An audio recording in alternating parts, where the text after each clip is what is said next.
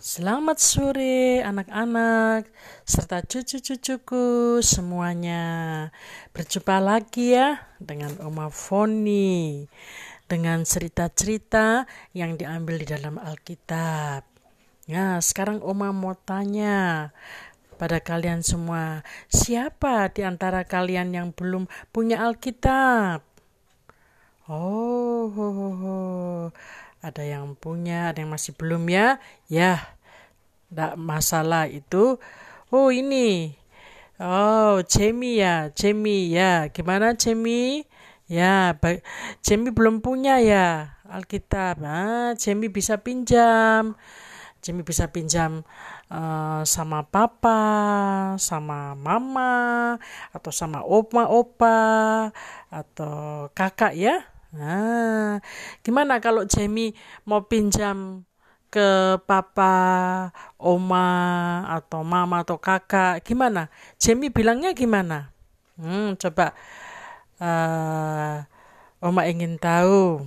Ya, ya pintar ya.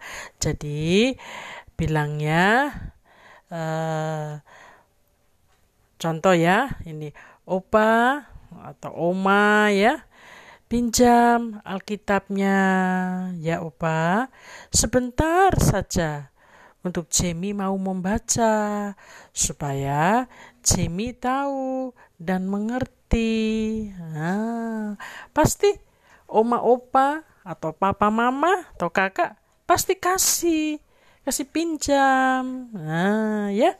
Nah, itulah tadi contoh ya uh, Jamie tidak mempunyai Alkitab, tapi dia mau berusaha karena dia rindu ingin membaca firman Tuhan, ya. Uh, jadi pada sore hari ini juga Uma mau bercerita lagi, ya seperti biasanya sebelum kita mendengar cerita Uh, mari kita sama-sama masuk di dalam doa ya. Duduk yang manis, lipat tangan, tunduk kepala. Tuhan yang Tuhan Yesus yang baik. Pada sore hari ini kami dapat bersyukur dan berterima kasih di mana Tuhan telah memelihara kami semua, anak-anak, cucu-cucuku, dalam keadaan sehat, dan mereka telah mempersiapkan hati mereka untuk mendengarkan kelanjutan dari firman Tuhan yang dibawakan oleh Oma Foni. Terima kasih Tuhan Yesus, Engkau memberkati kami semua. Amin. Ya, puji Tuhan ya. Sekarang uh, Oma mau bercerita masih dengan kisah Abram ya. Nah, karena ini Oma berceritanya secara berurutan. Uh, Oma ambil uh, dari kitab kejadian pasal demi pasal ya. Uh, supaya ceritanya ini berurutan ya tidak uh, apa tidak loncat. Ya jadi supaya tahu jelas ya. Uh, dan untuk kalian supaya uh, ingat ingat betul bahwa cerita ini ya secara berurutan ya. Ya sekarang Oma cerita Oma ini Abram ya dengan penuh damai sejahtera di dalam hidupnya ya. Ya uh, Abram tadi istrinya siapa? Yang cantik tadi?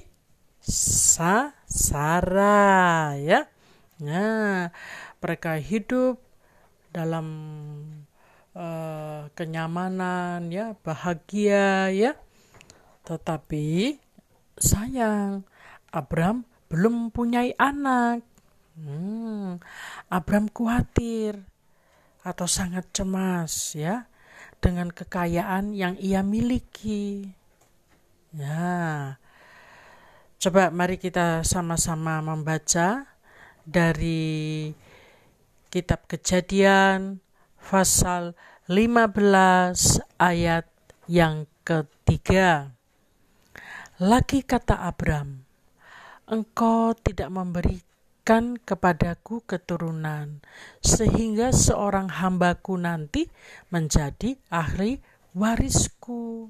Ah, ini dia berkata dengan siapa? Dia berkata dengan Tuhan. Ya. Nah, karena kekhawatirannya Abram itu sehingga dia berkata dengan Tuhan.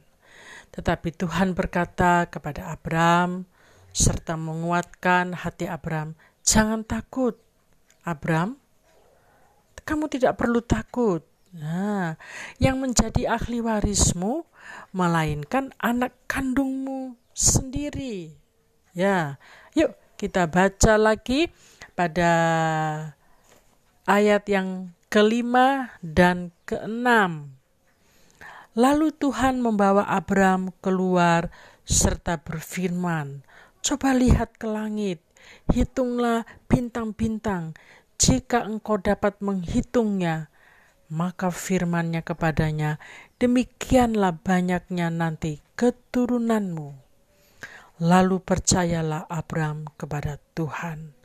Maka Tuhan memperhitungkan hal itu kepadanya sebagai kebenaran.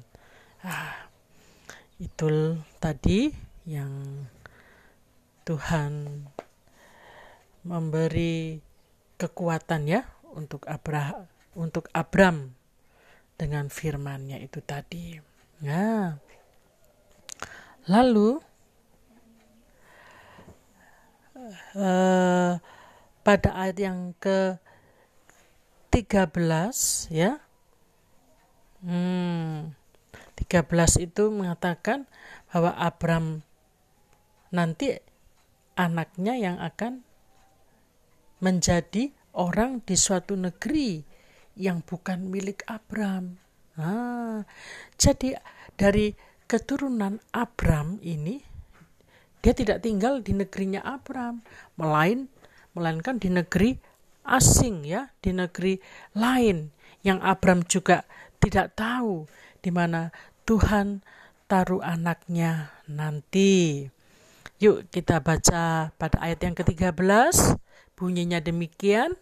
Firman Tuhan kepada Abram, ketahuilah dengan sesungguhnya bahwa keturunanmu akan menjadi orang asing dalam suatu negeri yang bukan kepunyaan mereka dan bahwa mereka akan diperbudak dan dianiaya empat ratus tahun lamanya. Ya, begitu jelas firman Tuhan kepada Abram ya. Nah, tapi Abram tetap dengan setia mendengar perintah Tuhan, apa yang Tuhan katakan serta nasihatnya. Dan Tuhan juga berfirman pada ayat yang ke-18 dan ke-20 ya. Nanti kalian baca ya.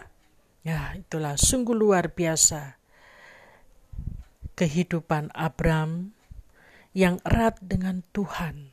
Hari lepas hari, tahun lepas tahun ya. Ditunggu-tunggu. Kok masih belum ada juga anak yang dirindukan. Wah, gimana ini ya? Padahal aku ini udah semakin tua, istriku juga semakin tua. Tapi kok Tuhan belum kasih anak ya buat aku. Itu yang selalu Abram pikir ya dengan Sarah. Nah, Sarah istri Abram ini dia mempunyai seorang hamba atau pembantu ya yang suka menolong Sarah untuk mengerjakan segala keperluan Sarah ya baik itu memasak, bersih-bersih rumah, halaman atau menanam di ladang ya dan lain sebagainya ya. Uh, tentu pekerjaannya banyak ya. mana mengurus ternak-ternak juga ya. Nah, ini pembantu yang suka menolong Sarah ini dengan setia. Dia bernama Hagar. Nah, Hagar ini adalah orang Mesir. Ya, ya, yang dihadiahkan tadi ya oleh Raja Fir'aun ya dari Mesir tadi ya. Hmm. Kata Sarai kepada Abram, biarlah Hagar menjadi istrimu. Ya, kata Sarah istri Abram itu, sudah kamu ambil Hagar aja supaya dari Hagar ini aku punya anak. Karena aku hingga sekarang belum dikaruniai anak. Ya. Abram menuruti permintaan istrinya Sarai. Akhirnya Abram mempunyai anak dengan Hagar yang diberi nama Ismail. Nah, ini kita dapat melihatnya ya, nanti kalian dapat membacanya uh, di dalam kitab Kejadian pasal 16 ayat 11 ya. Waktu Abram sudah berumur 80 tahun. Wah, kalau zaman sekarang tentunya sudah tua sekali ya. Nah, tetapi zaman Abram belum begitu tua. Walaupun umurnya sudah banyak. Nah, itulah perbedaan ya orang zaman dahulu dan zaman sekarang ya. Sebab uh, Tuhan uh, masih mempunyai apa yang Tuhan harus kerjakan untuk Abram ya sehingga Abram dipelihara sampai sebegitunya ya ah, umur 80 masih kuat ya uh tegap ya ah. Ah. jadi oleh sebab itu, kalian harus belajar membaca Alkitab supaya dapat mengerti ya ah, tentang janji-janji Allah itu banyak sekali dengan Abram. Allah selalu mengadakan perjanjian-perjanjiannya, bahkan mengizinkan Abram. Allah selalu ya uh, setia ya. Ah, dengan Abram bahwa bahwa Abram akan menjadi bapa sejumlah besar bangsa-bangsa. Abram mendengar ini, ia bingung-bingung dan heran-heran. Apa maksud Allah dengan semua ini? Ah, sedangkan aja aku mempunyai anak sendiri dari Sarah, aku belum. Nah, ini aku diberi dari Hagar. Nah, tapi kok menjadi bapak sejumlah bang besar bangsa? Wah, apa ini? Ya, dengan kebingungannya itu ya. Mari sekarang kita akan membaca bersama-sama lagi dari kitab Kejadian pasal 17 ayat yang kelima. Karena itu, namamu bukan lagi Abram, melainkan Abraham, karena engkau telah kutetapkan menjadi bapa sejumlah besar bangsa. Ya, tentu kalian tadi bertanya-tanya ya, mulai Oma cerita dari mula, Oma ini tidak salah toh menyebut Abram, Abram, Abram. Seharusnya kan Abraham. Nah, jadi waktu Abram belum uh, ditentukan oleh Tuhan ya, uh, jadi belum mengenal Tuhan dengan sungguh, makanya dikatakan Abram. Tapi setelah Tuhan menaruh perjanjiannya yang kekal ini untuk Abram, oleh sebab itu Tuhan sendiri menggantikan nama Abram. Jadi bukan Abram lagi, tapi Abraham. Inilah ketetapan nama Abraham yang Tuhan berikan sendiri ya. Nah, dari situ uh, kemudian ya ini banyak lagi ayat-ayat yang kalian perlu baca ya ya jangan lupa ya. Nah, lalu janji-janji Allah kepada Abram tadi ya. Uh, bahkan Allah ingin supaya Abram itu tidak bingung. Oleh sebab itu Allah selalu menyertai dia ya. Nah, tadi kita baca pada kitab kejadian pasal 17 ayat 5 ya. Uh, disambung dengan ayat yang ke-15 selanjutnya Allah berfirman kepada Abraham tentang istrimu Sarai. Janganlah engkau menyebut dia lagi Sarai tetapi Sarah. Itulah namanya. Ya jadi tadi uh, Tuhan telah memberi nama bagi Abram ya menjadi Abraham. Nah, lalu juga Tuhan memberi nama kepada Sarai menjadi Sarah. Nah, inilah nama-nama yang didapatkan dari Tuhan bagi Abraham dan Sarah.